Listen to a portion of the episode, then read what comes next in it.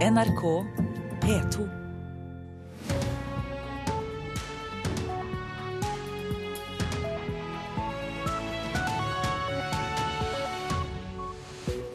Øystein Heggen ønsker deg velkommen til Nyhetsmorgen. Dette er våre saker. Det er 1,5 millioner nordmenn med midlertidige personnumre.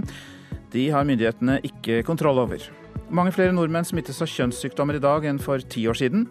Den tiltalte politimannen Erik, Eirik Jensens liv skal bli TV-serie. Og musikere i USA velger også side i valgkampen. Det kan bli vrient for Donald Trump å finne musikk han kan bruke.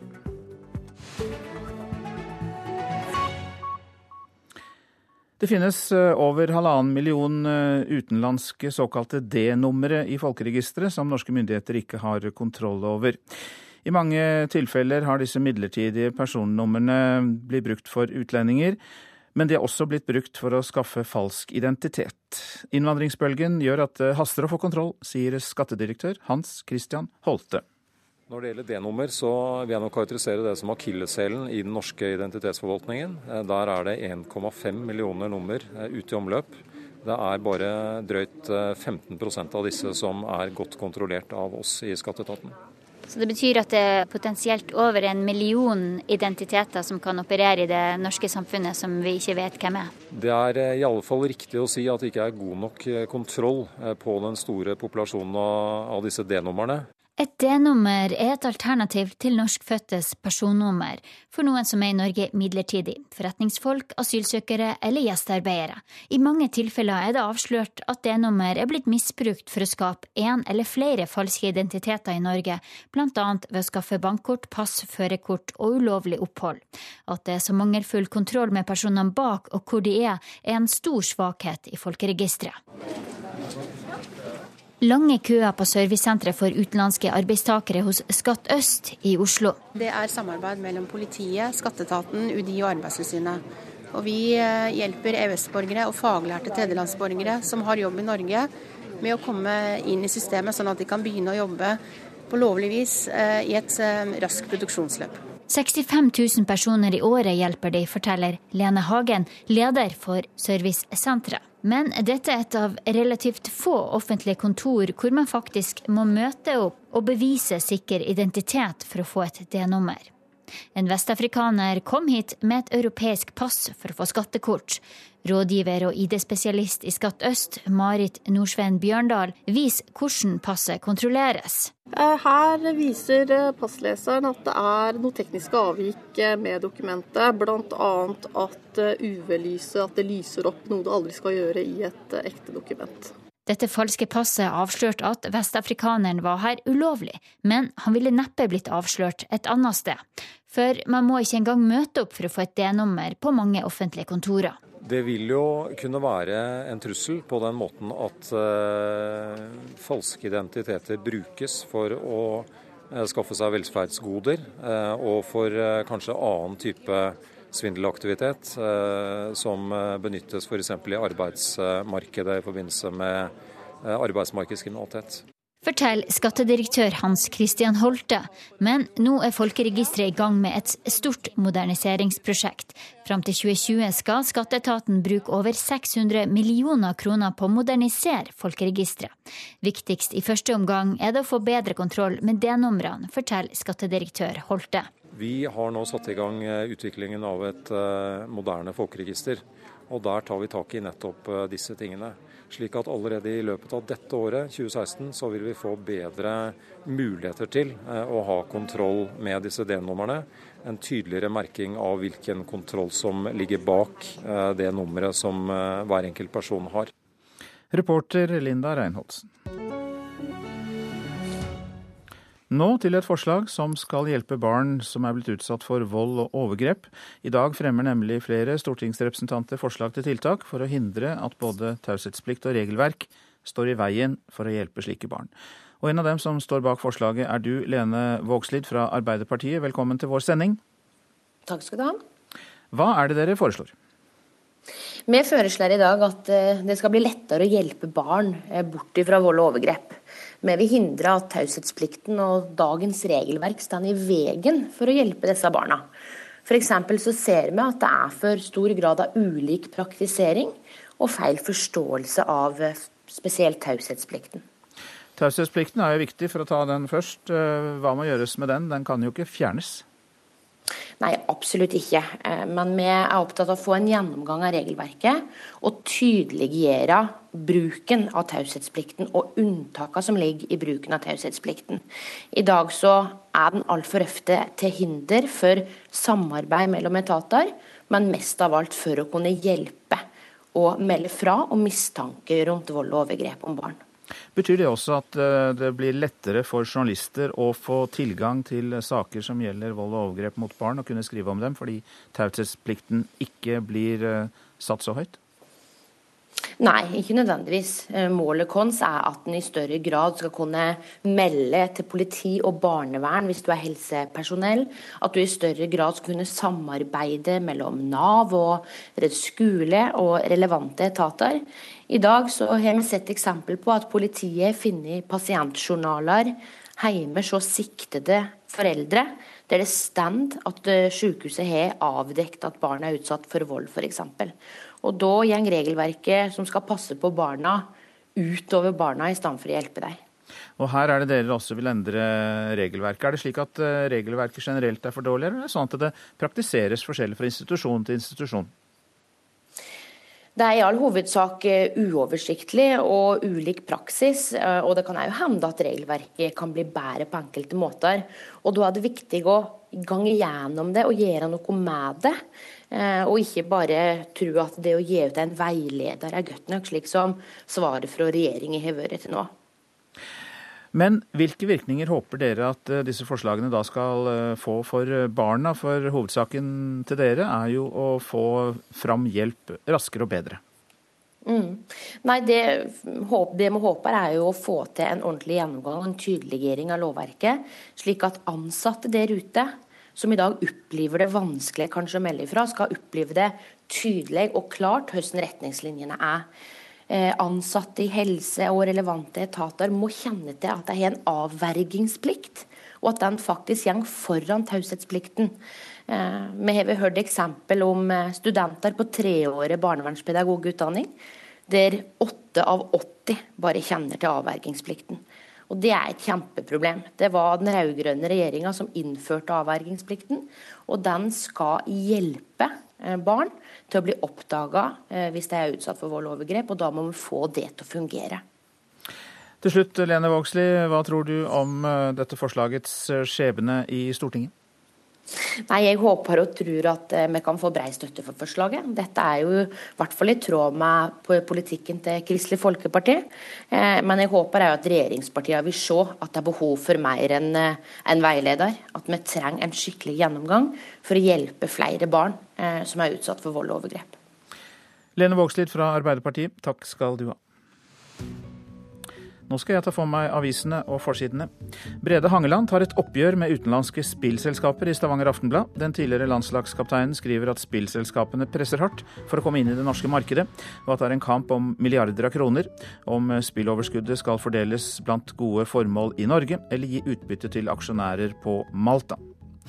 La ungdommen sove, er oppslaget i Dagsavisen. Lærere og elevorganisasjoner er enige om at elever på ungdomsskoler og videregående ikke bør starte for tidlig om morgenen. Gevinsten kan bli mindre fravær og bedre karaktersnitt, tror forskere. Det er ekstreme og unormalt høye svingninger i det norske aksjemarkedet, skriver Dagens Næringsliv. Det som ser riktig ut den ene dagen, kan være nesten totalt forandret den andre, sier investeringsstrateg Erik Fossland i Nordea. Norge er blant landene i Europa med lavest selskapsskatt, ifølge tall fra Verdensbanken gjengitt i Klassekampen. Formuesskatten er ikke med i beregningen, men også når den regnes med, kommer norsk skatt gunstig ut, sier økonomiprofessor Jarle Møen ved Norges handelshøyskole. Staten får 40% økt husleie for eh, finere kontorlokaler til Konkurransetilsynet i Bergen, kan vi lese i Bergens Tidende. Professor i administrasjons- og organisasjonsvitenskap Harald Seteren er kritisk mens Konkurransetilsynet mener de gamle lokalene var for trange, og at IT-sikkerheten er for dårlig. Tiltalen mot Eirik Jensen preger forsidene både i VG, Dagbladet og Aftenposten. Avisene går gjennom det påtalemyndigheten mener er bevis i hasj- og korrupsjonssaken som kan felle den tidligere politilederen. Nortura har satt grenser for eh, hvor langt nord de ønsker kyllingproduksjon, og bønder i Namdal, Namdalseid tvinges til å legge ned, skriver Nasjonen. Prosessen har vært forkastelig, sier en av kyllingprodusentene, Tom Christian Mork, mens Norturas, Norturas informasjonssjef Ellen Flø Skagen sier de har valgt en langsiktig løsning. Halve Norge liker en politisk kirke, er oppslaget i Vårt Land. En meningsmåling viser at halvparten av oss mener at Den norske kirke utøver et passe sterkt engasjement i politiske spørsmål. Men Fremskrittspartiets velgere syns kirken blander seg inn for mye. Vikersund står nå klar eh, til helgen for å ta imot eh, hoppere og verdenscuprenn. Landslagstrener Alexander Støkkel gleder seg til å komme tilbake til bakken, der Norge har verdensrekorden. Ja, jeg, jeg, jeg, tipper jo at uh, utøverne gleder seg utrolig til, uh, til å hoppe Vikersund. Det er verdens største skiflygingsbakken. Vi har gode resultater fra de siste årene. Vi har verdensrekord med Fannemel, og så er det Fortfang som hoppa bra i fjor. Kom på tredjeplass. Så det blir, blir en spennende helg for oss. Det er avlyst her i Kollen, Anders. og Det har vært både vind og det har vært tåke, og det er vel en riktig avgjørelse? Ja, det er rett og slett uforsvarlig akkurat nå, så det er en riktig avgjørelse det er noe sånn det er. Det er sikkerheten til gutta som kommer først. Det ble ikke noe hopprenn i Holmenkollen på søndag pga. tåke og vind.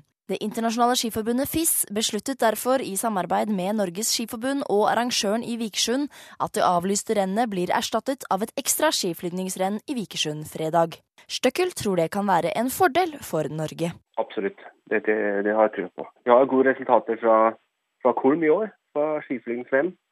Og vi veit at uh, våre utøvere er god skiflyving. Så da, da, blir det vel eh, forhåpentligvis eh, en fordel for oss.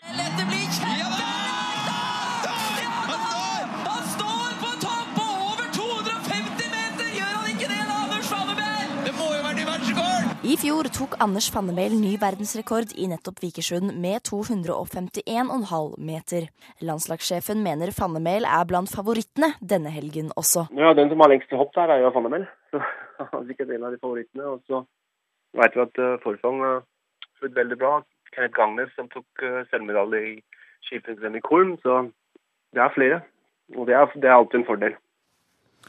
Reporter, det var Ida Moseng. Klokka har passert eh, kvart på sju. Dette er hovedsaker i Nyhetsmorgen. Det er 1,5 millioner midlertidige personnumre myndighetene ikke har kontroll over her i landet. Og det haster med å få kontroll, det sier skattedirektøren. Islamistgruppen Profetens Umma framstår som mindre slagkraftig enn for få år siden, hevder eksperter. I dag legger PST fram sin nye trusselvurdering, der de trolig vil peke på denne svekkelsen. Mer om dette etter klokka sju. Og vi har hørt at i dag fremmer flere stortingsrepresentanter forslag til tiltak for å hindre at uh, taushetsplikt og regelverk skal stå i veien for et godt tilbud til barn som er blitt utsatt for vold og overgrep.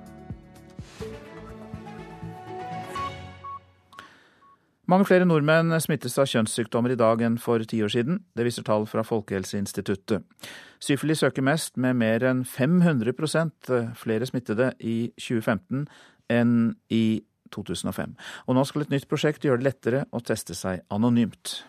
Ja, her er det oppskrift eh, på veggen hvordan jeg skal gjøre det for gutter og for jenter. Eh, og gutter trenger bare en, eh, en urinprøve. En tisser i et beger der, og så litt grann, og så har oppi et lite glass. Jeg står på et lite toalett ved Studentsamskipnaden i Stavangers helsekontor.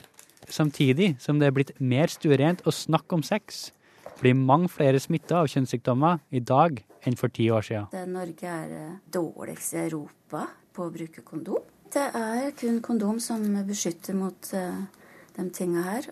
Sikari Haugen, helsesøster ved Studentsamskipnaden i Stavanger. Og at vi er dårlige til å bruke kondomer, kommer tydelig frem av statistikken. Hele 197% flere ble smitta av gonoré i 2005 enn i 2015. Og hele 554% flere ble smitta av syfilis i fjor enn for ti år siden. Ellen Margrethe Karlsen, avdelingsdirektør for Helsedirektoratet, mener at det er vanskelig å peke på en bestemt årsak til økningen. Vi vet nok ikke den helt sikre årsakene til det henger sammen med både personlige, lokale og samfunnsmessige forhold. Det handler også om å gi eh, tilbud om testing, og også testing der hvor folk er. Det er nettopp derfor jeg står her, på et lite toalett ved Universitetet i Stavanger. Siden november har det vært mulig å teste seg sjøl her, uten å måtte snakke med helsesøster eller lege.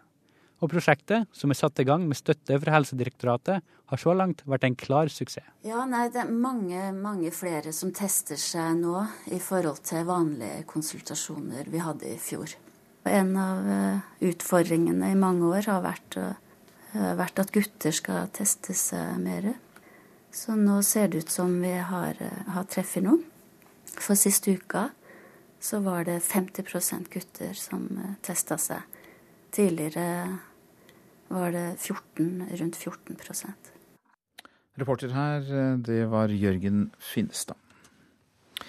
Den korrupsjons- og narkotikatiltalte Eirik Jensens liv blir TV-serie. Produsenten er fornøyd med at filmatiseringen skaper debatt, og den tidligere politilederen skal selv være konsulent for prosjektet. Det blir serie. Vi har ikke helt falt ned på hva slags type det er. Men dette her er, det er tenkt at det er drama.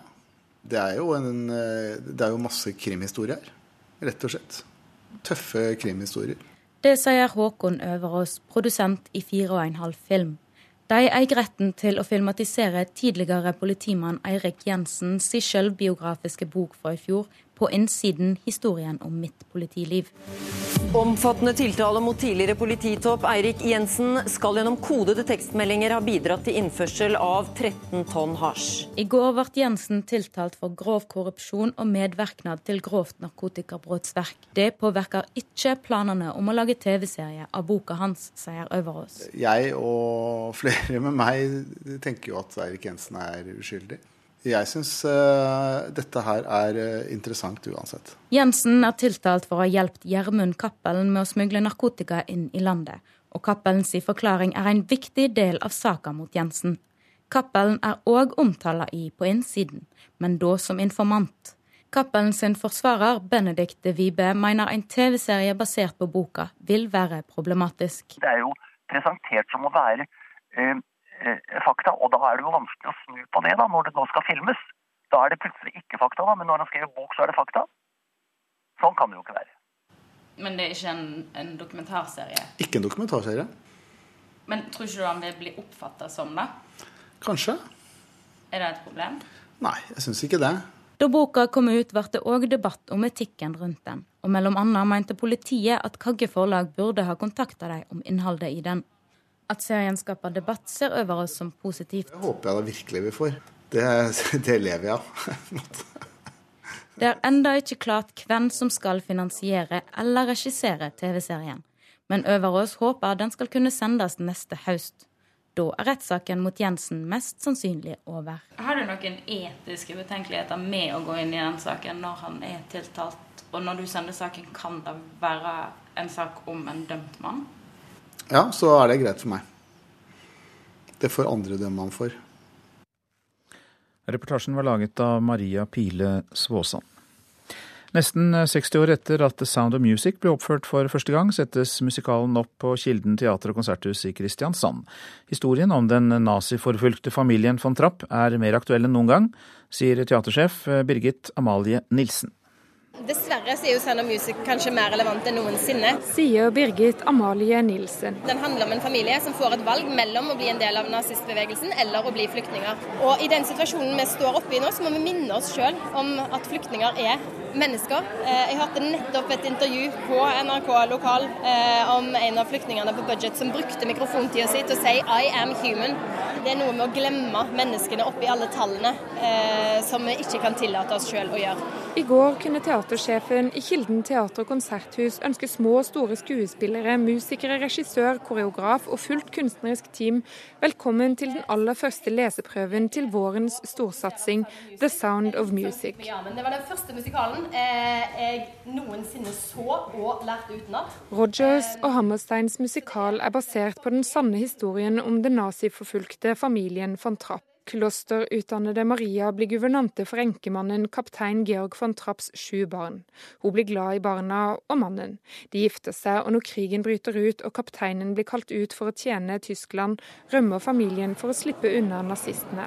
Jeg tenker at den er relevant fordi den handler om en, en enten mangel på stillingstagen, en, altså en, en skylappvirksomhet, hvor man ikke vil innse hvordan verden ser rundt, rundt seg sier regissør Morten Borgersen. Om man forsøker å eventuelt bare spille på lag med den og la den komme som den kommer. Eller man tar konsekvensene, som i dette tilfellet med familien som da må rømme. Og selvfølgelig får eh, store problemer med et helt nytt liv. Og de parallellene er jo liksom åpenbare uten at man behøver å si det noe mer, liksom, tenker jeg. Borgersund hadde ikke sett filmen med Julie Andrews i en av hovedrollene da han ble spurt om han ville ha jobben. Så jeg var veldig usikker på hva den handlet om, og hadde vel en slags bilde i hodet av noen sånne barn som løp opp og ned en fjellside i noen sånne tyrolledrakter og sang. Og da jeg oppdaget både alvoret i kjærlighetshistorien, og faktisk hvor vanskelig den var, og dette politiske bakteppet som jeg ikke visste var så tydelig i historien, det er jo manus. Øystein Wiik spiller kapteinen, mens Eir Inderhaug har rollen som Maria. Med seg på scenen i Kilden har de nesten 30 skuespillere og 50 musikere fra Kristiansand Symfoniorkester i graven. Når du synger, så er det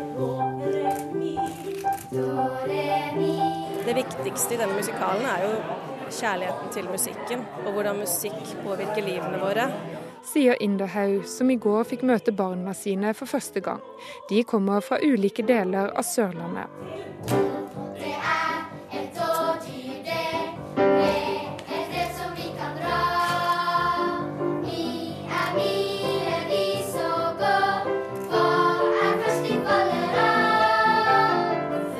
Litt spenning, og så er det litt kribler, og det er gøy å være her. Sier Martin på 11 og får støtte av 12 år gamle Astrid Elisabeth. Det er ganske spennende. Det er litt sånn, litt sånn spesielt, egentlig. Jeg føler det er litt spesielt å være med. Jeg bare syns det er litt sånn veldig gøy og litt stas, egentlig. Og jeg syns at sånn musikk er en veldig flott oppsetning, og det er veldig mange fine sanger, og det er utrolig gøy å være med. Så The Sound of Music er en storslått, flott, feiende, fin familieforestilling, men det er òg en veldig viktig historie å fortelle.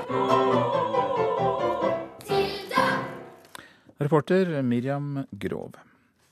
De største artistene i USA har valgt side foran nattens viktige nominasjonsvalg i New Hampshire, mens Hillary Clinton får støtte av de aller største, som Beyoncé og Elton John, er Donald Trump heldig om han får lov å bruke noe musikk i det hele tatt?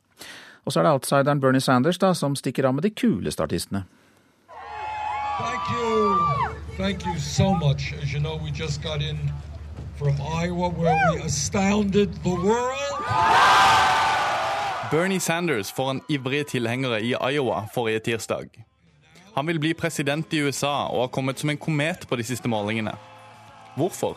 Blant annet pga. dette.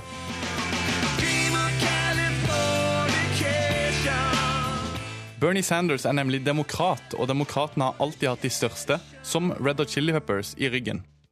I kampen om de største musikkartistene, som blir sett på som svært viktig i nominasjonskampen, stiller Sanders sterkt. 74-åringen har klart å appellere til de kule artistene, som f.eks. Vampire Weekend, som spilte sin første konsert på to år under Sanders Iowa-møte.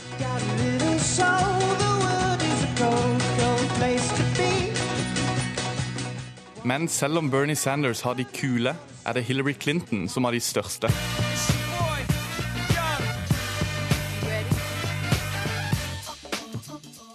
Hvis valget i USA hadde blitt avgjort av hvilken kandidat som hadde størst artister, kunne de andre kandidatene pakket sakene sine allerede nå. Beyoncé, Pharrell Williams, Kanye West, Elton John, Morrissey, James Taylor og mange, mange flere. Store artister med store lommebøker. Det er ingen tvil om at Clinton er best i klassen, i hvert fall på Spotify. I den republikanske leiren, derimot Over here, USA. Over there.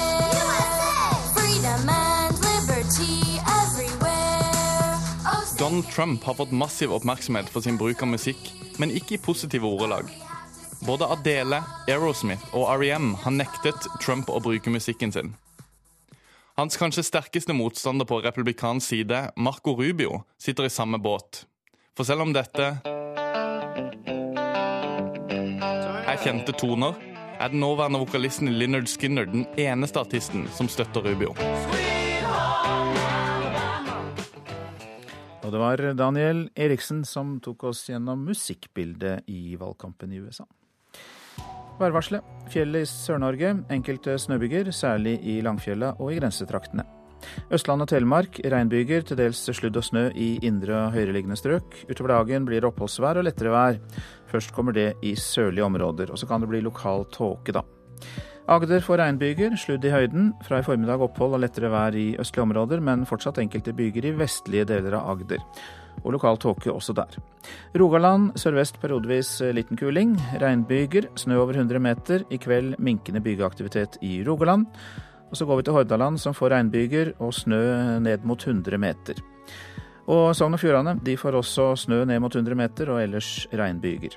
Møre og Romsdal oppholdsvær. Fra i ettermiddag regnbyger riktignok, og mest i ytre strøk. Og så blir det snø over 200 meter der. Trøndelag får oppholdsvær. I kveld eh, regn eller sluddbyger i ytre strøk. Helgeland, Saltfjellet, Salten og Ofoten. Det blir litt sludd eller snø av og til, og til dels regn på kysten. I kveld eh, kan det ventes nordøstlig stiv kuling langs kysten. Så tar vi Lofoten og Vesterålen. Nordøstlig opp i stiv kuling, litt regn eller sludd. Snø i høyereliggende strøk. Troms nordøstlig periodevis liten kuling på kysten, ellers eh, bris, litt snø av og til. Finnmark litt snø av og til, og Nordensjøland på Spitsbergen nordlig stiv kuling utsatte steder, delvis skyet opphold. Temperaturer målt klokka fire i natt. Svalbard lufthavn minus ti, ellers er det mye plussgrader vi snakker om her.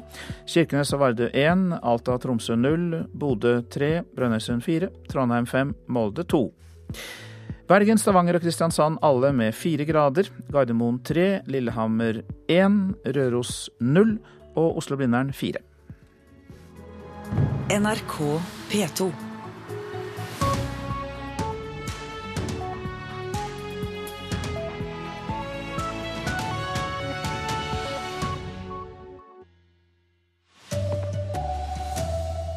Nordmenn er dårligst i Europa til å bruke kondom. Det gir flere tilfeller av kjønnssykdommer.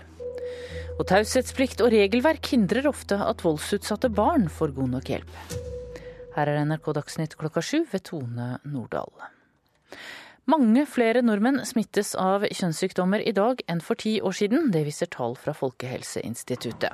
Syfilis øker mest med mer enn 500 000 flere smitte, 500% flere smittede i 2015 enn i 2005. Det er kun kondom som beskytter mot uh, de tinga her. Sikari Haugen, helsesøster ved Studentsamskipnaden i Stavanger. Og at vi er dårlige til å bruke kondomer, kommer tydelig frem av statistikken. Hele 197% flere ble smitta av gonoré i 2005 enn i 2015. Og hele 554% flere ble smitta av syfilis i fjor enn for ti år siden.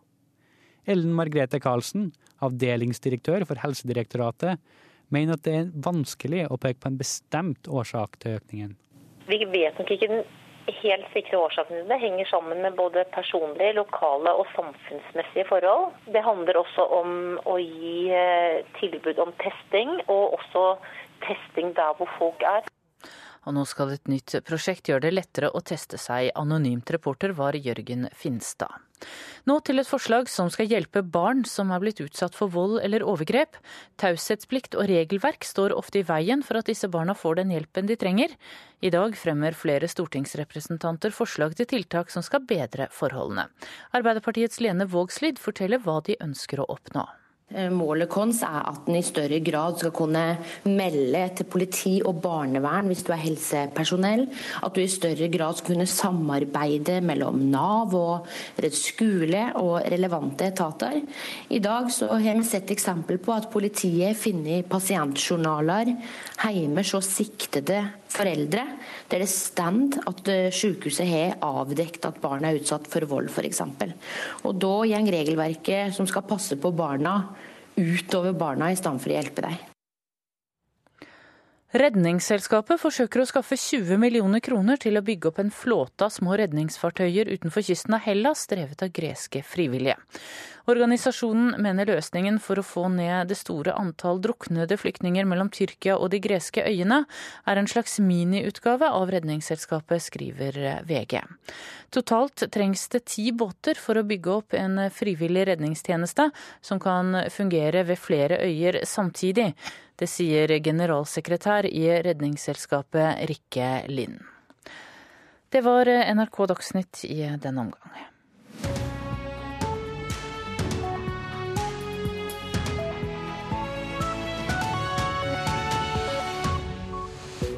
Nyhetsmorgen fortsetter med disse sakene.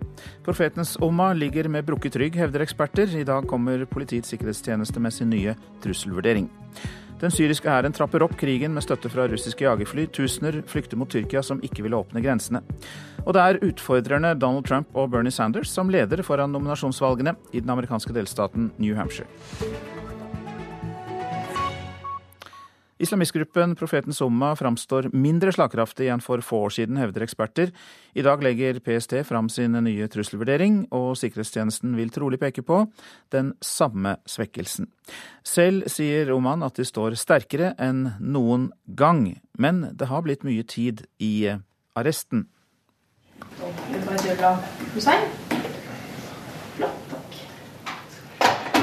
Tingrettsdommer Ingrid Sandberg legger på røret etter å ha kalt Ubaydullah Hussain opp fra arresten. Talsmannen er varetektsfengsla, sikta for rekruttering til terror. Kontrasten er stor til da profetens umma samla mellom 100 og 400 personer til demonstrasjoner i 2012. I dag består den synlige delen av gruppa stort sett av Hussain, Arfan Bhatti, en svensk-albansk mann som kaller seg Abu Arjon, og en norsk statsborger med bakgrunn fra rusmiljøet. Dette er nok et ganske klart eh, svekka miljø. Sier ekstremismeforsker ved Høgskolen i Oslo og Akershus, Lars Gule. I underkant av ti personer er igjen i den harde kjernen, tror han. Det kan skyldes denne ganske aggressive strategien fra påtalemyndighetene og PST, hvor man altså har forfulgt dette miljøet. Og hvis denne strategien har vært vellykket, så har den altså hatt en allmennpreventiv effekt og hindret ny rekruttering til miljøet. Men den andre forklaringen kan rett og slett være at det har aldri vært noe stort miljø. Det har heller ikke vært noe grunnlag for eh, stor oppslutning om denne ekstreme islamforståelsen som profeten Summa representerer. Og Da betyr det at det har nådd et metningspunkt. Vi har sett det som var av ekstrem islamisme når det gjelder antallet eh, her i, eh, i landet. Videre så er denne beskjeden hovedsakelig rettet mot den norske regjeringen. Mojeldin Mohammed, som advarte mot 11.9 på norsk jord i 2010, var en av de første fra miljøet som reiste til Syria. Nå har han trukket seg tilbake fra offentligheten, men kilder sier til NRK at han fungerer som en slags rådgiver for profetens umma. Mohammed har ikke svart på NRKs henvendelser. Arfan Bhatti, som var viktig for oppbygginga av miljøet, har heller ikke tatt den profilerte lederrollen mange frykta da han kom tilbake til Norge for ett år siden. Eh, ja, eh, da vil jeg få ønske velkommen til eh, denne Når PST legger frem årets trusselvurdering senere i dag, vil de trolig fortelle at det ekstreme islamistmiljøet i Norge er noe svekka, mens det høyreekstreme miljøet er styrka. Josef Asidik, som jobber mot radikalisering i organisasjonen Just Unity, ser det samme. Jeg, også, jeg ser det som at Profeten Summa ligger nede med brukket rygg. Vi opplever jo at Profeten Summa har eh, møtt masse motgang i det siste. Både på en måte med påtalemyndigheter, men også på, eh, med enkeltsaker. Da. At de rett og slett ikke klarer å holde på ungdommene lenger. Og eh, Abu Aryan, som fungerer som mediekontakt mens Hussein sitter inne, avviser i en e-post til NRK at gruppa er svekket. Den består av mellom 15 og 20 solide og sterke medlemmer. Det sier han. Reporter var Kristine Svendsen. Kjetil Stormark, god morgen. God morgen. Du er jo forfatter og journalist og kjenner disse forholdene. Er du enig i at eh, jihadistmiljøet ikke klarer å holde på ungdommen, som vi hørte her, og er blitt eh, svekket? Ja, dette er en konsekvens av flere ting. Eh, mange sentrale personer som har dratt til Syria, og som har mista livet, og som er blitt borte av den grunn. Eh, politiet også hatt eh, fokus som de eh, over flere tiår har hatt når det gjelder ekstremistiske miljøer, å få tatt nøkkelpersoner ut av sirkulasjon og pågrepet dem, få dem bak lås og slå for ulike forhold. Og Får de de ut av sirkulasjon, så lykkes de òg med å redusere aktiviteten i disse miljøene. Og Det er det som har vært en av nøkkelstrategiene i det tilfellet her. Men kan det være noe vi ikke ser, at det er jihadistmiljøer i det skjulte? Det er en del strømninger eh, og for så vidt bekymringer i eh, muslimske trossamfunn i Norge knytta til at det er en veldig sterk eh, konspiratorisk tankegang. En fremmed man føle seg veldig sånn fremmede i forhold til det norske samfunnet. Og at det er eh, farlig kanskje å avblåse faren her og nå, eh, tror jeg. Fordi det vi ser i Europa, er at eh, risikoen er i ferd med å øke. Eh, selv om vi har en litt atypisk situasjon her hjemme i Norge, så er det viktig å ha fortsatt fokus på, på forebygging her. Ja, Betyr det at uh, trusselen kan komme mot Norge utenfra? At det ikke nødvendigvis uh, har så sterkt ankerfeste her i landet? Ja, iallfall nå ser situasjonen slik. Men eh, det er jo eh, tilsynelatende nå sånn at ledelsen i Den islamske stat har nå tatt et eh, taktskifte, en strategiendring hvor man prioriterer og planlegge eh, og forsøker å gjennomføre terroraksjoner i Europa. Og, og, eh, det er et stort antall terroraksjoner som er avverga eh, i Europa de siste månedene. Og det er grunn til å tro at de aksjonene vi bl.a. har sett i Paris, at de dessverre at vi vil oppleve flere av, av slike framover. Og så hørte vi her at det høyreekstreme miljøet derimot er styrket. Hvordan vurderer du risikoen fra det miljøet? Ja, den er økende. Eh, PST har jo vært ute i flere omganger og advart mot det, eh, som en konsekvens av økt flyktningetilstrømning til Europa eh, og den økte terrortrusselen samla sett i Europa. Det fører til en økt tilstrømning og rekruttering til høyreekstreme miljøer. Det ser vi nå i første rekke i Sverige og Finland. Men det er òg forsøk fra det høyreekstreme miljøet i Norge på å rekruttere eh, til medlemsbasen og til aktivitet eh, i Norge. Men er det i form av protester, kanskje også da høylytte protester, eller kan det også komme som, som terror? Ja, altså I første omgang så ser vi nå utslag ved at man forsøker å etablere borgervernsgrupper som Soldiers of Odin, eh, som patruljerer gatene i helgene på kveldstid. Eh, I første rekke nå i Finland, hvor det er forsøk på å rekruttere og starte noe tilsvarende nå i Norge. Vi har snakket om jihadister og om høyreekstreme miljøer. Til slutt, er det andre trusler som du tror Politiets sikkerhetstjeneste kommer til å legge vekt på i dag? Jeg tror nok eh, PST kommer til å skjerpe eh, formuleringene og bekymringene knytta til spesielt russisk etterretningsvirksomhet mot Norge. Eh, det er i ferd med nå å bli den mest markante og viktigste trusselen mot Norge, og hvor det er det man primært bekymrer seg for som på nummer én over trusler mot Norge, hvor kanskje islamsk terror kommer som nummer to og høyreekstremisme som nummer tre. Mange takk skal du ha, Kjetil Stormark, forfatter og eh, journalist. Den eh, syriske hæren angriper områder kontrollert av opprørere nær landets største by Aleppo. Det skjer med viktig flystøtte fra Russland, og det har ført til at titusenvis av sivile er på flukt fra området.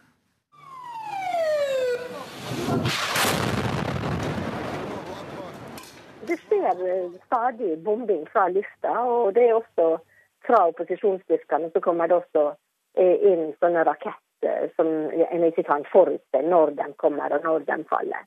Det sier Elisabeth Hoff, som er leder for FNs helsearbeid i Syria. Krigshandlingene har gjort at titusenvis av mennesker er i bevegelse i retning den tyrkiske grensa, som ligger bare fire mil unna. I landområdene rundt Aleppo eh, by da, så er det store forflytninger og en dynamisk og veldig vanskelig situasjon.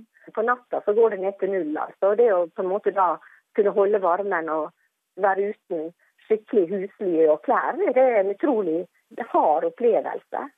Og det er mange små barn og, som også trenger hjelp. Tyrkerne har så langt ikke villet åpne grensa, og hjelpeorganisasjonene prøver å bistå folk på stedet. Men Hoff sier det bare fins én løsning, og få slutt på krigen. For Det er ikke noen humanitær løsning til denne situasjonen. En må finne en politisk løsning. Så Presset må være på de partene til konflikten om at de må finne en politisk løsning til dette. Reporter Tom eh, Ingebrigtsen. Og det er jo da ikke sikkert at flyktningene kommer seg videre til Tyrkia, for der sier myndighetene at de har nådd smertegrensen. Syria-ekspert og tidligere Midtøsten-forsker ved Universitetet i Oslo, Kai Kverme, god morgen til deg. God morgen. Altså, Den russiskstøttede offensiven skjer jo mot opprørskontrollerte områder nær eh, Aleppo. Hva er det sannsynlig vil skje hvis de får kontroll over eh, denne storbyen og hele området? Ja, jeg tror nok, eh, som vi er inne på her, at man ser en, en økning i flyktningstrømmen mot Tyrkia. Det er ganske mange folk det er snakk om. Nå må vi huske på at eh, Aleppo har vært en delt by i flere år. Veldig mange har flyktet fra byen allerede. Men, men som det nevnes, det er stadig eh, titusener, enn ikke si hundretusener av sivile igjen. Og disse vil jo selvfølgelig flykte. Og man kan jo også se for seg til dels grove overgrep i kjølvannet av dette. Dette er en prestisje prestisjesak for det syriske regimet. De har prøvd i flere år å, å ta, få tilbake kontrollen over hele Aleppo. Det er jo den største byen i folketall og, og det gamle økonomiske sentrumet i landet. Så det at det, dette har vært en delt by, har, har vært en, en, en plage for regimet. Den tyske forbundskansleren Angela Merkel møtte jo i går tyrkiske ledere. Hva kan det innebære for Tyrkia hvis de nå presses til å åpne grensene for å ta imot de som strømmer til den? Ja, altså Tyrkia er jo lei. De er lei europeerne, og de er lei amerikanerne. Tyrkerne har fra første stund eh, eh, villet ha en, en sikker sone, som de kaller det, inne i Syria for å slippe å få denne flyktningstrømmen veltende innover. De har allerede tatt imot over to millioner flyktninger, og, og det er ingenting som tyder på at denne strømmen vil avta. Så det er jo veldig sannsynlig at tyrkerne prøver da å presse presse Vesten, altså Europa og USA, til å komme med noen innrømmelser overfor dem her. Hvilken virkning tror du det da vil få på flyktningstrømmen til eh, Europa i år? Altså på, på, litt sikt så, så, må vi jo anta at denne strømmen eh, vil øke. Og det er ikke bare fra Tyrkia, men fra eh, andre eh, land i området også, som Libanon og Jordan. Det er jo millioner av syrere på flukt, og disse landene, spesielt de to sistnevnte, altså Libanon og Jordan, har minimal sjanse for å absorbere dette enorme antallet syrere i egne samfunn. Og, og de lider jo selvfølgelig også da av konstant underfinansiering. men, men selv en på en måte fullfinansiering da, i gåseøyne av det. Det her eh, vil på en måte ikke være nok. Det er gnisninger mellom lokalsamfunnet og flyktningene. og det er jo klart det er et land som Libanon, 4,5 millioner innbyggere, halvannen til to millioner syrere, det sier seg selv at det er ikke problemfritt. Til slutt tilbake til utgangspunktet. Det er jo våpnene som taler rundt Aleppo, utvilsomt. Det er, det er offensiv fra syriske bakkestykker og russiske fly.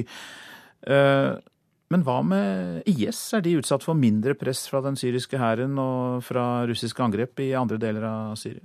Ja, men det har det jo vært hele tiden. Altså, Den russiske offensiven har jo aldri handlet om IS i det hele tatt. Det er jo bare et eh, dårlig skalkeskjul fra russisk side for å, å prøve å utrydde opposisjonen, slik at det syriske regimets narrativ om at dette handler om en konflikt mellom dem på den ene siden og terrorister, altså da IS, på den andre siden, at dette skal gå i i, i oppfyllelse. Og Det er jo eh, ganske spesielt å se på, at dette har fått lov å utfolde seg, mens Vesten bare har stått ved siden av og, og, sett på dette, som de godt vet at ikke stemmer. Det er ikke en krig mot IS russerne fører, det er en krig mot den syriske opposisjonen. Mange takk skal du ha, Kai eh, Kverme, som er syriekspert og kjenner av dette området. Ja, den syriske regjeringshærens offensiv mot den, uh, byen Aleppo, den uh, har vi da snakket om. Og uh, så er det slik at vi har med oss NRK-korrespondent Kristin Solberg. Du er på grensen ved tyrkisk side. Hva gjør myndighetene for å hjelpe flyktningene? Ja, det tyrkiske myndigheter gjør, er at de lar ambulanser med hardt skadede flyktninger få komme ut. Men ellers så er den grensen fortsatt stengt. Eh, slik at det eh, nok er over 70 000 mennesker som venter på den andre siden, og som håper på å komme ut.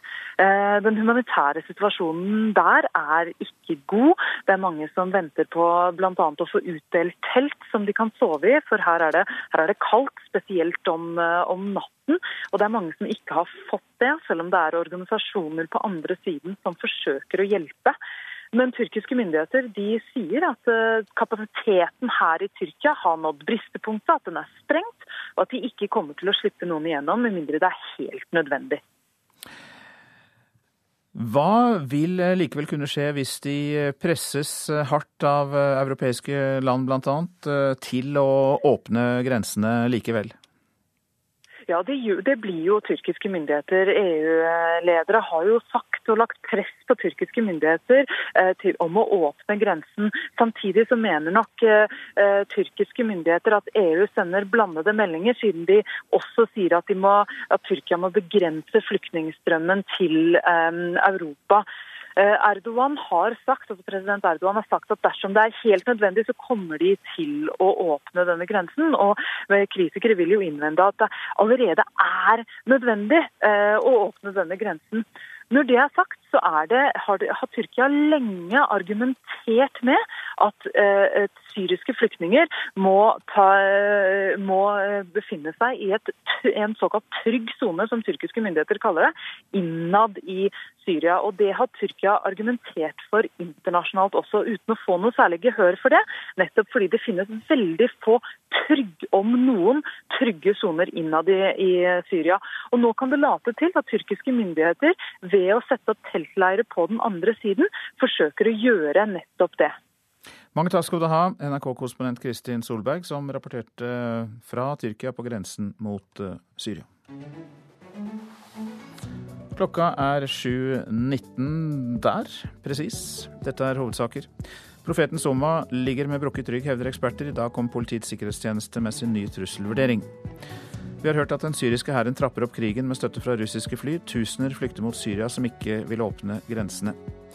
Mange flere nordmenn smittes av kjønnssykdommer i dag enn for ti år siden. Det viser tall fra Folkehelseinstituttet. Donald Trump og Bernie Sanders leder klart på meningsmålingene foran nominasjonsvalget i den amerikanske delstaten New Hampshire i dag. En rekke andre kandidater, spesielt på republikansk side, kjemper intenst for sine politiske liv. Men Donald Trump han eh, slo på stortromma da han samlet mange tusen mennesker til sin eh, siste valgkampinnspurt, et møte i natt, og snakket om muren han vil bygge på grensen mot Mexico. We have to build a wall. Walls work. Just Israel. Walls work. They work. I don't mean the little walls. I don't mean the little walls. I mean those walls, you know. I mean serious walls. I mean Trump walls. We're gonna No. Ja, Trumps murer. Uh, Tove Bjørgaas, USA-korrespondent. Hvordan gikk dette budskapet hjem hos velgerne i New Hampshire? Eh, Trump eh, er veldig selvsikker nå. Han har en voldsom ledelse på meningsmålingene. Og de som sto i salen eh, i kveld, likte det de hørte. Han snakker altså om at denne muren mot Mexico skal være som muren Israel har bygget mot palestinerne. Han leder altså veldig mye. Mange er usikre på om disse meningsmålingene viser den virkelige sannheten om hvor mange som kommer til å møte opp for å stemme. Men det er ventet rekordhøy valgdeltakelse her i dag, ikke minst pga. Trump, tror jeg. Også fordi han mobiliserer velgere til å stemme på de andre republikanske kandidatene. Og de kjemper altså med hverandre nå, kanskje først og fremst om andre, tredje, fjerde og femteplassen. Eh, der er det flere som eh, kan ryke eh, ut. Ja, konkurransene har. Hvilke av dem ser ut til å kunne gjøre det best etter Trump, altså? Det er jo Marco Rubio det har vært mye snakk om den siste uka. så Han gjorde det jo bra i Iowa. Gjør han det bra også i natt, så, så, så kan han peke seg ut som den kandidaten som kan på en måte samle den etablerte delen av partiet. Jeb Bush har satset veldig mye her. En annen som har gjort det, er Ohios guvernør John Kasich.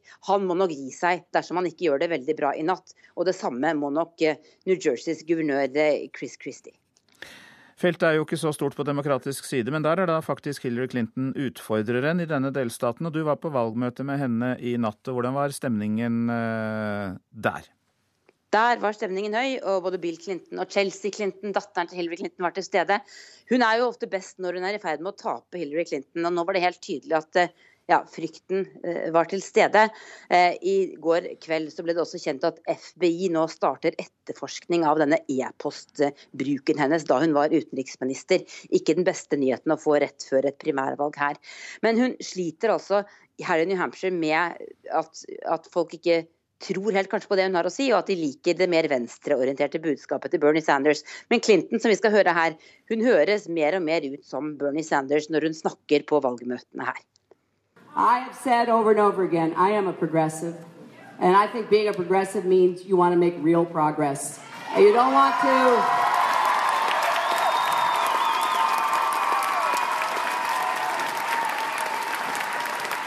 You don't want to overpromise. The last thing we need is promises that can't be met.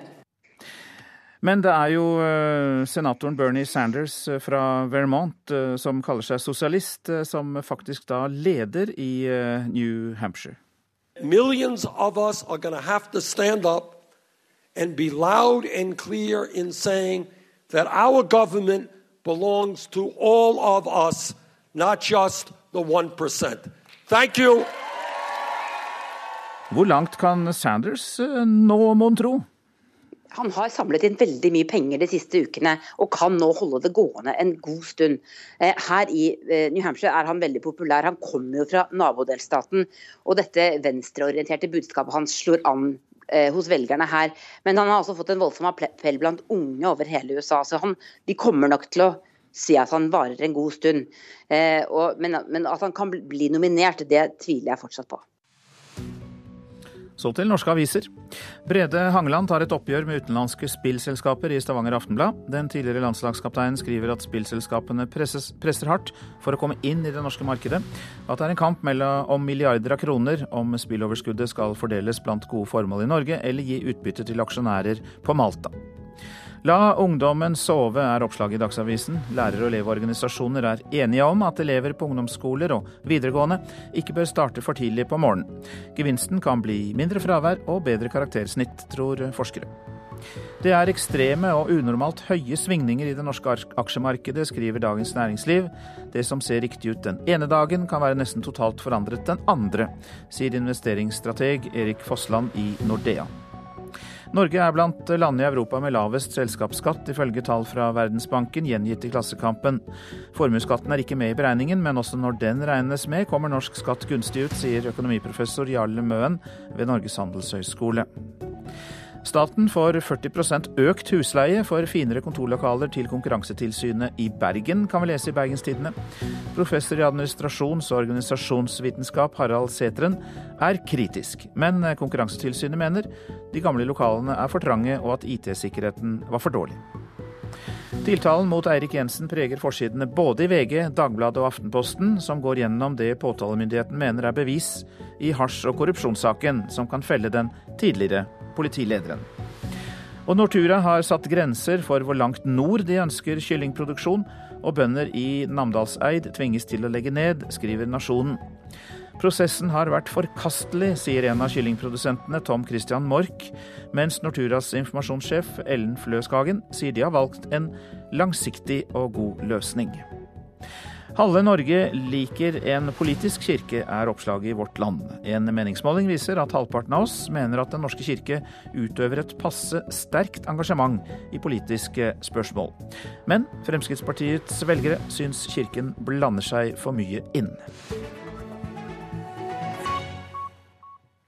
Nå skal vi høre at det er økt press på Egypt for at de skal finne ut hvem som sto bak det brutale drapet på den italienske studenten Giulio Reggieni. Han ble funnet torturert og livløs i en veikant i forrige uke. Italienske medier beskylder det egyptiske sikkerhetsapparatet for å stå bak.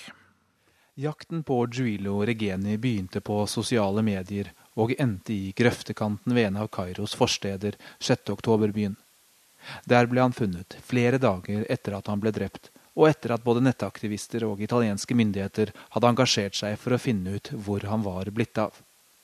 Han ble sist sett ved metroen i Kairo sentrum, og beskrivelsen av hans død er smertefull lesning. Kroppen hans var full av brannsår etter sigaretter.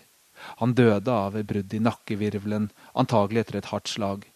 Det var også spor av slag over hele kroppen. Neglene på føtter og hender var trukket ut, ifølge italiensk media.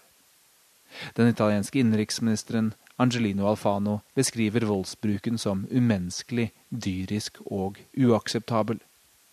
Italia er Egypts nærmeste samarbeidspartner i Europa og et av de første landene som normaliserte forholdet til Egypt etter kuppet i 2013. Det er også en viktig handelspartner, særlig innen olje og gass. Italiensk media dekker saken tungt. Der beskyldes det egyptiske sikkerhetsapparatet for å ha stått bak. Sikkerhetsapparatet er beskyldt av menneskerettighetsorganisasjoner for utstrakt bruk av tortur. Det antas at rundt 40 000 mennesker er fengslet på politisk grunnlag i Egypt. Italienske myndigheter har derimot vært forsiktige med å si noe om hvem de tror står bak drapet, men har etterforskere her i Kairo som prøver å få klarhet i hva som har hendt. Regeni var doktorgradsstudent på universitetet i Cambridge og var i Egypt tilknyttet det prestisjetunge amerikanske universitetet på et forskningsopphold. Han forsvant kvelden før femårsdagen for oppstanden mot tidligere president Hosni Mubarak. Regeni jobbet med uavhengige fagforeninger, et politisk betent tema. Han skrev også artikler under pseudonym i en italiensk venstreavis som var sterkt kritiske til president Abdel Fattah al-Sisi. Egypts utenriksminister Sameh Shukri sier til avisen Corriere de la Serra at konklusjoner har blitt dratt altfor fort i denne saken, og at ingenting er klart om hvem som sto bak. Han sier også at egyptiske myndigheter etterforsker saken. Shukri er denne uka i USA og skal treffe sin amerikanske kollega John Kerry. USA bidrar med 1,3 milliarder dollar i bistand til Egypt, hovedsakelig til det egyptiske militæret. Fram til nå har amerikanerne ikke tatt mye hensyn til beskyldningene om menneskerettighetsbrudd. Spørsmålet er om drapet på en italiensk student kan endre dette. Sigurd Falkenberg Mikkelsen, Kairo. Og du lytter til Nyhetsmorgen, produsent i dag Marit Selmer Nedrelid, her i studio Øystein Heggen. Beskyldninger fra amerikanske myndigheter om at den russiske presidenten Vladimir Putin er gjennomkorrupt, forsurer nå forholdet mellom USA og Russland. Hør mer i reportasjen etter Dagsnytt. Og i Politisk eh, kvarter så blir det debatt om kompetansekrav for lærere.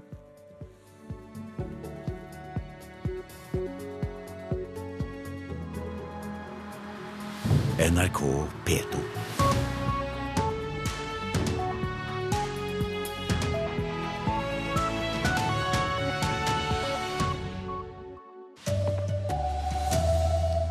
Islamistgruppen Profetens Umma er kraftig svekket, mener eksperter. I dag kommer PST med ny trusselvurdering. Det er intens valgkamp i USA. Presidentkandidater fra begge leirer prøver å overbevise velgerne i New Hampshire. Og Folkeregisteret vil skaffe bedre kontroll over identiteten til utenlandske statsborgere. God morgen, her er NRK Dagsnytt ved Tone Nordahl. Klokka er 7.30. Islamistgruppen Profetens Umma fremstår mindre slagkraftig enn for få år siden, sier eksperter. I dag legger PST frem sin nye trusselvurdering, og sikkerhetstjenesten vil trolig peke på den samme svekkelsen. Selv sier Umman i en e-post til NRK at de står sterkere enn noen gang, men det har blitt mye tid i arresten.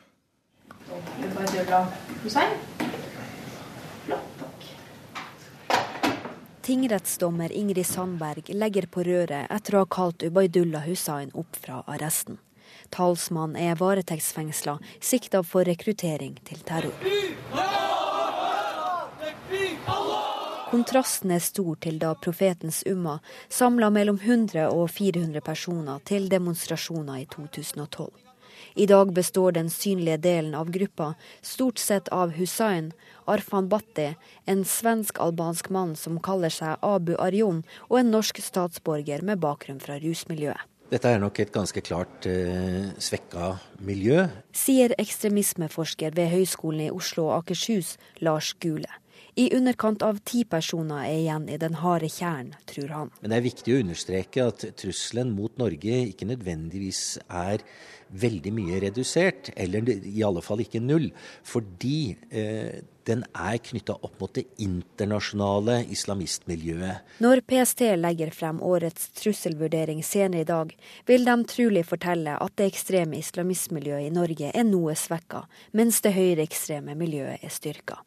Josef Asidik, som jobber mot radikalisering i organisasjonen Just Unity, ser det samme. Nei, altså, jeg ser det som at profeten Summa ligger nede med brukket rygg. Vi opplever jo at profeten Summa har eh, møtt masse motgang i det siste. Både på en måte med påtalemyndigheter, men også på, eh, med enkeltsaker. Da. At de rett og slett ikke klarer å holde på ungdommene lenger. Reporter her, Kristine Svendsen. Og som vi hørte, de høyreekstreme miljøene er i vekst. Kjetil Stormark, forfatter og journalist, bekrefter denne utviklingen. Og Den er økende. PST har jo vært ute i flere omganger og advart mot det, som en konsekvens av økt flyktningetilstrømning til Europa og den økte terrortrusselen samla sett i Europa. Det fører til en økt tilstrømning og rekruttering til høyreekstreme miljøer. Det ser vi nå i første rekke i Sverige og Finland. Men det er òg forsøk fra det høyreekstreme miljøet i Norge på å rekruttere eh, til medlemsbasen og til aktivitet eh, i Norge. Men er det i form av protester, kanskje også da høylytte protester, eller kan det også komme som, som terror? Ja, altså I første omgang så ser vi nå utslag ved at man forsøker å etablere borgervernsgrupper som Soldiers of Odin, eh, som patruljerer gatene i helgene på kveldstid. Eh, I første rekke nå i Finland, hvor det er forsøk på å rekruttere og starte noe tilsvarende nå i Norge. Kjetil Stormark til kollega Øystein Heggen. Donald Trump og Bernie Sanders leder klart på meningsmålingene foran nominasjonsvalget i den amerikanske delstaten New Hampshire i dag. Trump samlet mange tusen mennesker til sitt siste valgmøte i natt. Der snakket han om muren han vil bygge på grensen mot Mexico. Wall. Walls work. Just ask Israel. Walls work. They work. I don't mean the little walls. I don't mean the little walls. I mean those walls, you know. I mean serious walls. I mean Trump walls. We're gonna... No. USA-korrespondent uh, Tove Bjørgaas, når dette budskapet hjem hos velgerne i New Hampshire, der du er? Det var i hvert fall mange mange på valgmøtet til Donald Trump som likte det de hørte i natt. Og han leder altså voldsomt på meningsmålingene her. Nå er det mange som mener at de meningsmålingene kanskje ikke forteller sannheten om hvor mange som kommer til å møte opp i valglokalene i dag. Og det skal også sies at andre republikanske kandidater som Jeb Bush, Marco Rubio, Chris Christie og John Kasich nå kjemper mot hverandre for å ta de neste plassene her. For de som kommer på i hvert fall fjerde- og femteplass, de må sannsynligvis gi, gi opp sine valgkamper eh, når valgresultatet i New Hampshire er klart. På demokratisk side så er Hillary Clinton eh, utfordreren. Du var på valgmøte med henne i natt også. Hvordan var stemningen der? Der var stemningen god, men Clinton har sitt å stri med nå. Eh, I går kveld så ble det kjent at FBI nå skal etterforske denne e-postkontoen som det har vært mye bråk om. Og hun ligger altså langt etter Eh, Bernie Sanders på meningsmålingene her. Eh, men hun høres også mer og mer ut som ham her i New Hampshire og snakker om de samme temaene som han er opptatt av, for å forsøke å kapre noen av hans velgere. Vi skal høre litt på hva hun har å si. I have said over and over again, I am a progressive. And I think being a progressive means you want to make real progress. You don't want to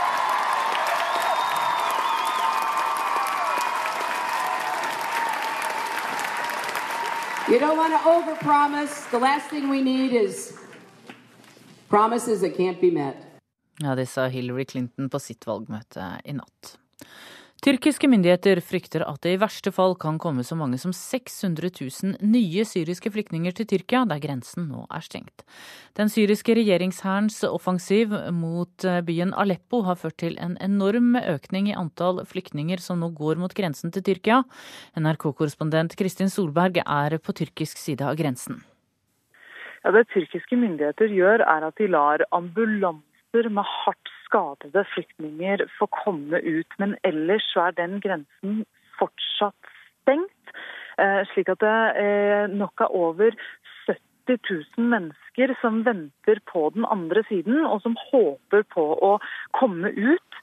Eh, den humanitære situasjonen der er ikke god. Det er mange som venter på bl.a. å få utdelt telt som de kan sove i, for her er det, her er det kaldt, spesielt om, om natten. Det finnes 1,3 millioner utenlandske D-numre i folkeregisteret som norske myndigheter ikke har kontroll over.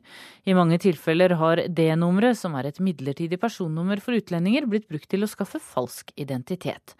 Mange arbeidsinnvandrere og asylsøkere gjør at det nå haster å få kontroll, sier skattedirektør Hans Christian Holte.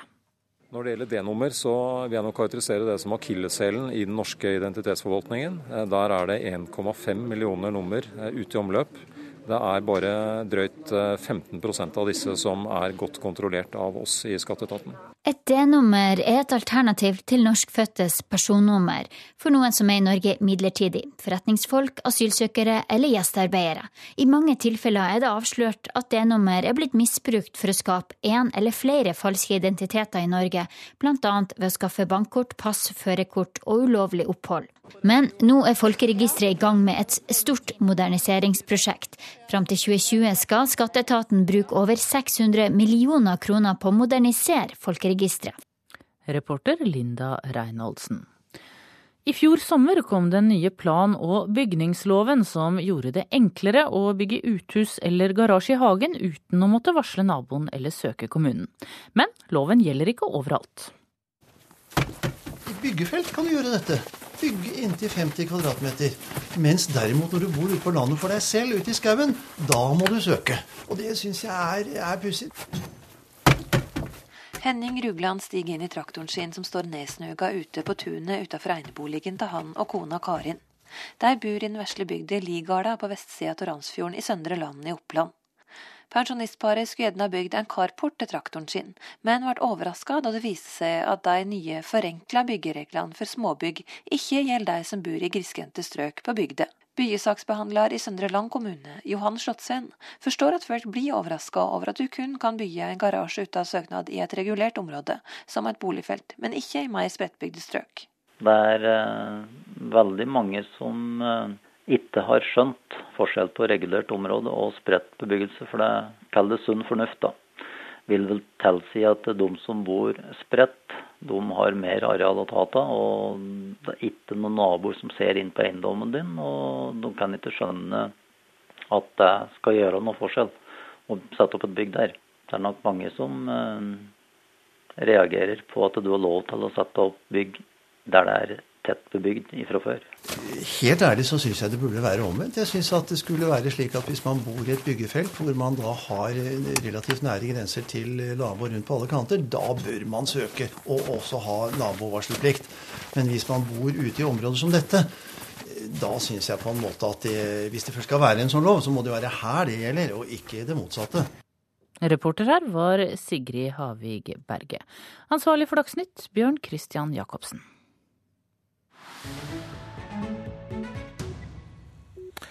Og nå lytter du til eh, Nyhetsmorgen. Beskyldninger fra amerikanske myndigheter om at den russiske presidenten Vladimir Putin er gjennomkorrupt, forsurer nå kraftig forholdet mellom USA og Russland. Russerne svarer at dette er drittkasting på høyt nivå, og at det ikke finnes bevis. Is Vladimir Putin corrupt? In our view, yes.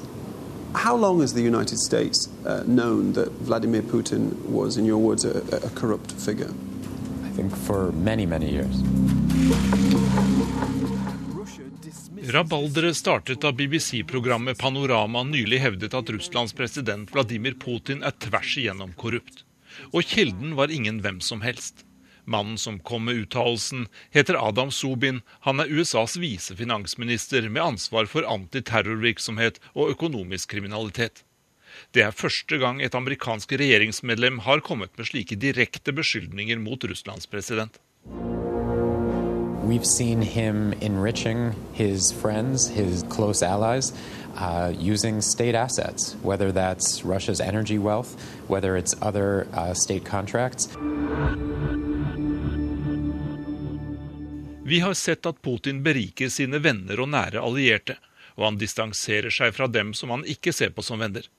Han bruker statens verdier, f.eks. energirikdommene og statlige kontrakter, til å berike dem som støtter ham, sier den amerikanske visefinansministeren. Men Putin selv har også blitt superrik, blir det sagt i programmet.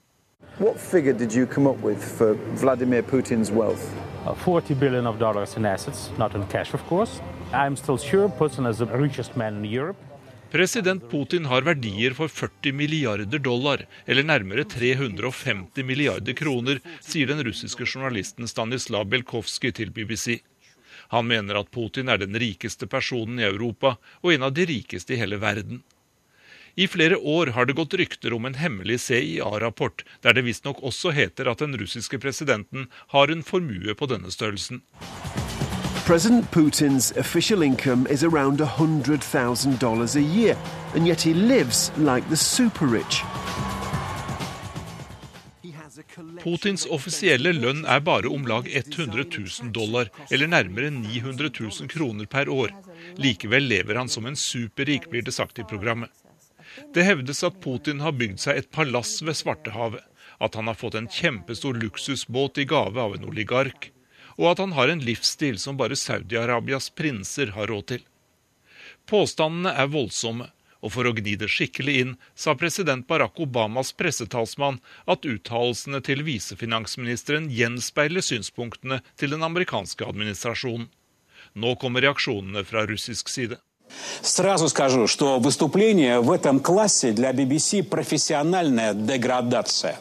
В фильме нет ни одного документа. For BBC er dette programmet journalistikk på et svært lavt nivå, sier Dmitrij Kisiljov, som er en av de største TV-stjernene i Russland. Ifølge Kisiljov legges det ikke fram et eneste bevis eller dokument som understøtter korrupsjonspåstandene i BBC-programmet. Putin har tidligere sagt dette om at han skal ha skjulte rikdommer. Просто чушь. Все выговорили из носа. И, и размазывали по своим бумажкам. Påstandene er bare tull. Dette er snørr som journalistene har pirket ut av nesa og smørt utover papiret, sier Russlands president Vladimir Putin. Men uansett, korrupsjonsanklagene kommer til å forsure forholdet mellom USA og Russland i lang tid framover. Sa reporter Jan Espen Krus. Dette er hovedsaker i Nyhetsmorgen. Islamistgruppen Profetens Omme er kraftig svekket, mener eksperter. I dag kommer Politiets sikkerhetstjeneste PST med en ny trusselvurdering.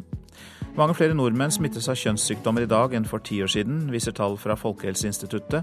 Syfilis øker mest. Det finnes 1,5 millioner midlertidige personnumre som myndighetene ikke har kontroll over. Slike numre er blitt brukt til å skaffe falske identiteter, og det haster med å få kontroll, sier skattedirektøren. Den syriske hæren trapper opp krigen med støtte fra russiske jagerfly.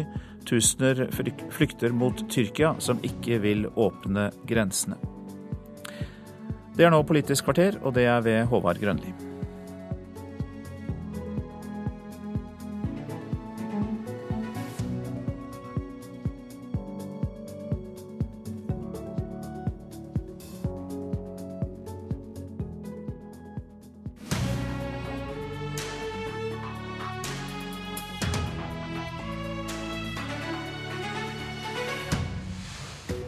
Lærerne reagerer og mener utdanningskravene har fått tilbakevirkende kraft.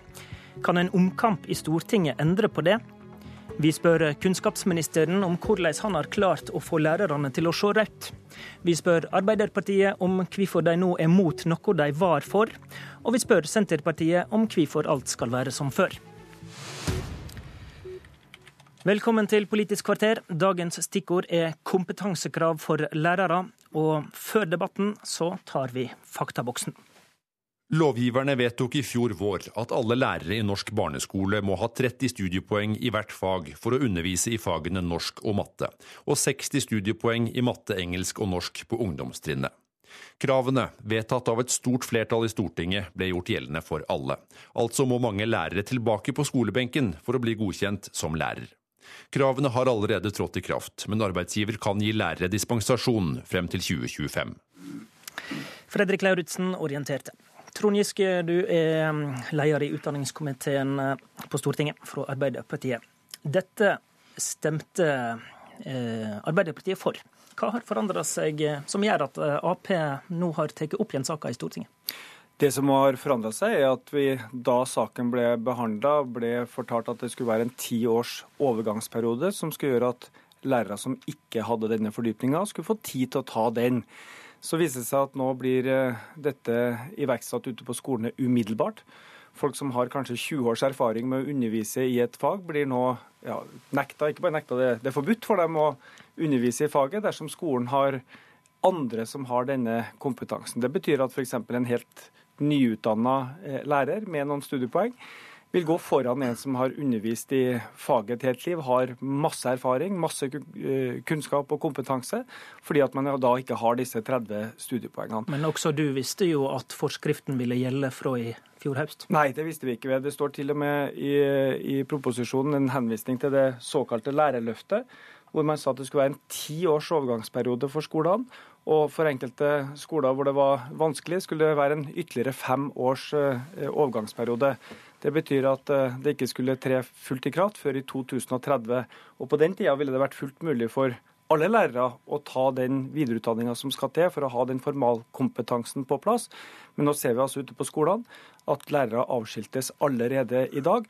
Og det verste er at elevene får dårlig undervisning fordi at rektorene tvinges til å ta lærere som kanskje har mye mindre erfaring, mye mindre kunnskap og kompetanse i å undervise faget. Så dette skader faktisk elevenes læring. Så, men du sier dere hadde ikke oppfatta at regjeringa ville iverksette dette kravet fra høsten 2015? Nei, vi behandler jo ikke i Stortinget detaljene i forskriften hvor dette nå står. Det er det jo regjeringa som gjør. Så da ble dere ført bak lyset? Ja, jeg mener at vi er feilinformert. Jeg mener dette er et veldig dårlig politisk eh, håndverk. Eh, det fører til for det første at elevene får dårlig, dårligere undervisning enn de kunne fått. Det fører til at erfarne, gode lærere blir satt på gangen. Mm. Det er faktisk sånn at hvis du er vikar Eh, eller midlertidig ansatt, da kan du undervise den klassen f.eks. i matte uten et eneste studiepoeng. Men hvis du skal være fast ansatt, så hjelper det ikke om du har 30 års erfaring. Og det siste poenget også vi, vi tar... er at det er, nok, jeg bare vil si det, det er nok en konfliktlinje opp mot lærerne. Mm. ser ut at uh, Røe Isaksen har valgt en konfrontasjonsstrategi mot uh, landets 100 000 lærere. Det tror jeg er en dårlig strategi for å holde folk i faget, for å holde folk i skolen og for å rekruttere flere inn i det viktige læreryrket. Torbjørn Røe Isaksen, kunnskapsminister. Du har feilinformert Stortinget, sa Trond Giske? Ja, det, det, må jeg si at jeg syns er en helt utrolig anklage. At Arbeiderpartiet som et eh, stort og seriøst og styringsdyktig parti ikke skal ha sett hva de har stemt for. Det, det, det syns jeg virker veldig veldig rart. Så det var krystallklart si, at dette ville bli ja, altså gjeldende altså det som, Det som var helt klart fra, fra, første stund, både da vi la dette fram i våre strategier og da vi presenterte, da vi presenterte saken, det var at vi innfører kompetansekrav fordi vi mener at elever og foreldre skal vite at de lærerne som underviser i norsk, matematikk og engelsk, har fordypning i faget. Det mener vi er viktig for kvaliteten i skolen og for best mulig undervisning for elevene. Og så er det en mulighet for skolene til å gi dispensasjon. Og det er nødvendig rett og slett fordi at av helt praktiske årsaker så kan vi ikke sende alle lærere eller tilby alle lærere videreutdanning i løpet av ett år. Så det må vi bruke rundt ti år på å få til. Så Det er et klart krav da, som vi har skrevet flere steder, at denne dispensasjonsadgangen som kommunene må bruke nå, bl.a. fordi at en lærer som har undervist i 20 år i matematikk, og kanskje ikke realistisk sett kan få tilbud om videreutdanning før om tre år, da har vi ingen grunn til å fjerne henne fra undervisningen nå. Mm. Så den måten å gjøre det på mener jeg har vært eh, klart lagt opp hele tiden.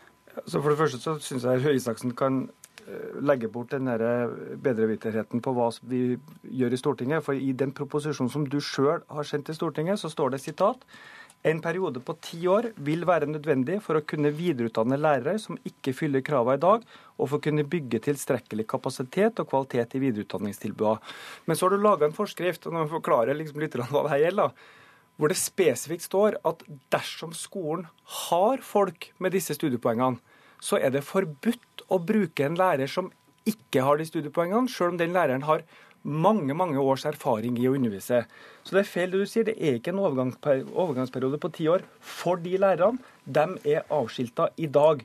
Og det er jo det som er veldig dumt, at ikke en rektor kan bruke de lærerne som skolen mener er best for elevene. Og jeg gjentar eksempelet. Du, hvis du har en nyutdanna lærer uten pedagogisk erfaring, som har 30 studiepoeng i matte, så må skolen bruke han eller hun framfor den læreren som har undervist i, nå snakker jeg verdig, undervise undervist i 30 år, skrevet lærebok om matte, holdt kurs om matte. Den læreren kan ikke undervise i matte hvis du har en nyutdanna med 30 studier. Og du må forklare hvorfor, hvorfor dette er fornuftig for elevene. Hvis jeg får ordet av programleder. Nei, altså, dette er jo, nå har jo Arbeiderpartiet vinglet litt i denne saken. De var mot kompetansekrav i 2012, og så var de for det da vi la det fram på Stortinget. Og så vet vi ikke helt hva de kommer til å foreslå nå. Det forslaget Stortinget faktisk skal behandle, er jo et forslag fra Arbeiderpartiet om en type realkompetansevurdering som ingen er for. Men hvis det, men hvis det, men hvis det, men hvis, men hvis det som er utgangspunktet til Arbeiderpartiet, er at dispensasjonen må være klarere, altså klarere på at kommunen etter en skjønnsbasert vurdering kan gi lærere dispensasjon, så er jeg gjerne med på å diskutere det. Men forutsetningen vi- nå- må jo være at vi er enige om at vi skal ha krav til faglig fordypning for de som underviser i matematikk og engelsk. Fordi når halvparten av lærerne ikke har det i engelsk, så har det faktisk noe å si, mener vi, for undervisningen. Og vi er opptatt av at undervisningen skal være best mulig. Nå skal vi dra en tredje person. Anne Tingelstadvøyen, du er saksordfører for den eh, omkampsaken, får vi kalle det, som er oppe i eh, Stortinget nå. Hvem av disse har eh, rett, om, eh, om eh, det var tydelig at dette skulle gjelde umiddelbart? Jeg oppfatta i hvert fall ikke at det ikke skulle gjelde umiddelbart. Jeg oppfattet det som at det skulle gjelde umiddelbart, for hvis du har en overgangsperiode, så sier du at det gjelder for alle fra dags dato.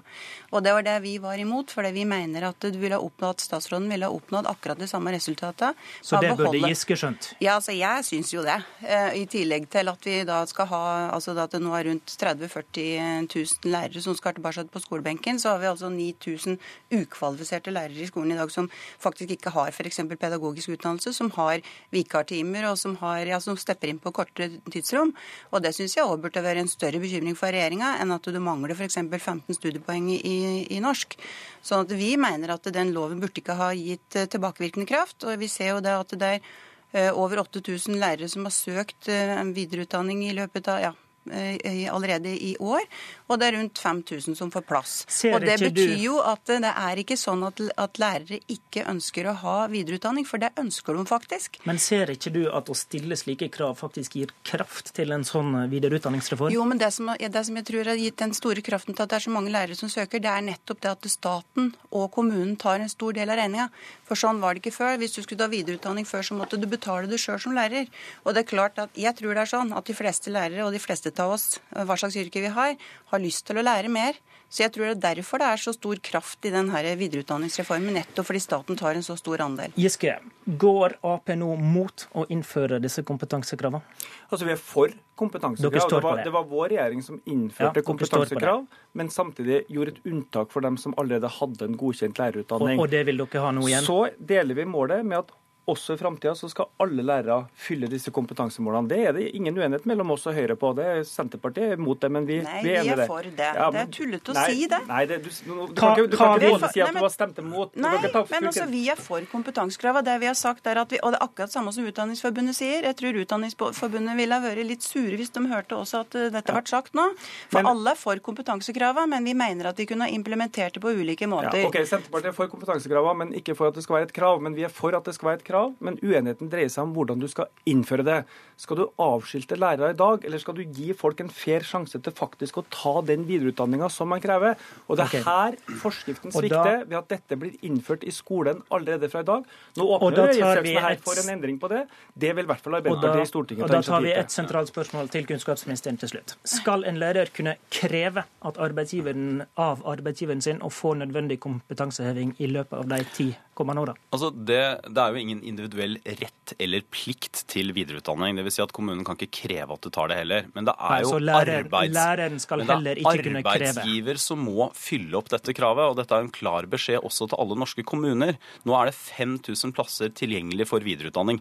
De plassene må brukes. Og vi vet at noen steder så er det slik at eh, lokale politikere eller lokal administrasjon ikke bruker videreutdanningssystemet. Det sitter lærere der som ønsker å få faglig påfyll, men de får nei, nei, nei. Det er ikke, en, det er ikke en holdbar situasjon. Og det er jo også en av grunnene til at dette kompetansekravet er viktig. fordi at det legger et mildt press på kommunene til å si ja til videreutdanning, som Anne, Anne fra Senterpartiet her helt riktig har sagt, nå også har veldig god statlig finansiering. Og til slutt, hvis ti år viser seg å være for lite tid til å gjennomføre dette, vil du utvide den perioden? Altså det vi i utgangspunktet varslet, var jo at vi skulle lukke dispensasjonsmuligheten om ti år. Eh, Så har vi sagt at hvis det viser seg å være umulig, så må vi kanskje utvide. Ønsker du å utvide? Nei, altså det må, vi, det må vi vurdere når den tid kommer. Det viktigste er at det er et press bak det. Og så er det jo litt greit å få vite snart hva Arbeiderpartiet faktisk mener om denne saken. For nå har vi hørt at Arbeiderpartiet stemte Vi- for, men Senterpartiet oppfattet saken helt annerledes og stemte mot. Så nå har Arbeiderpartiet er ombestemt seg, og det er en ærlig sak. Dispensasjonen må være reell. Det er poenget vårt. Vi gir oss eh, der. Takk til alle tre.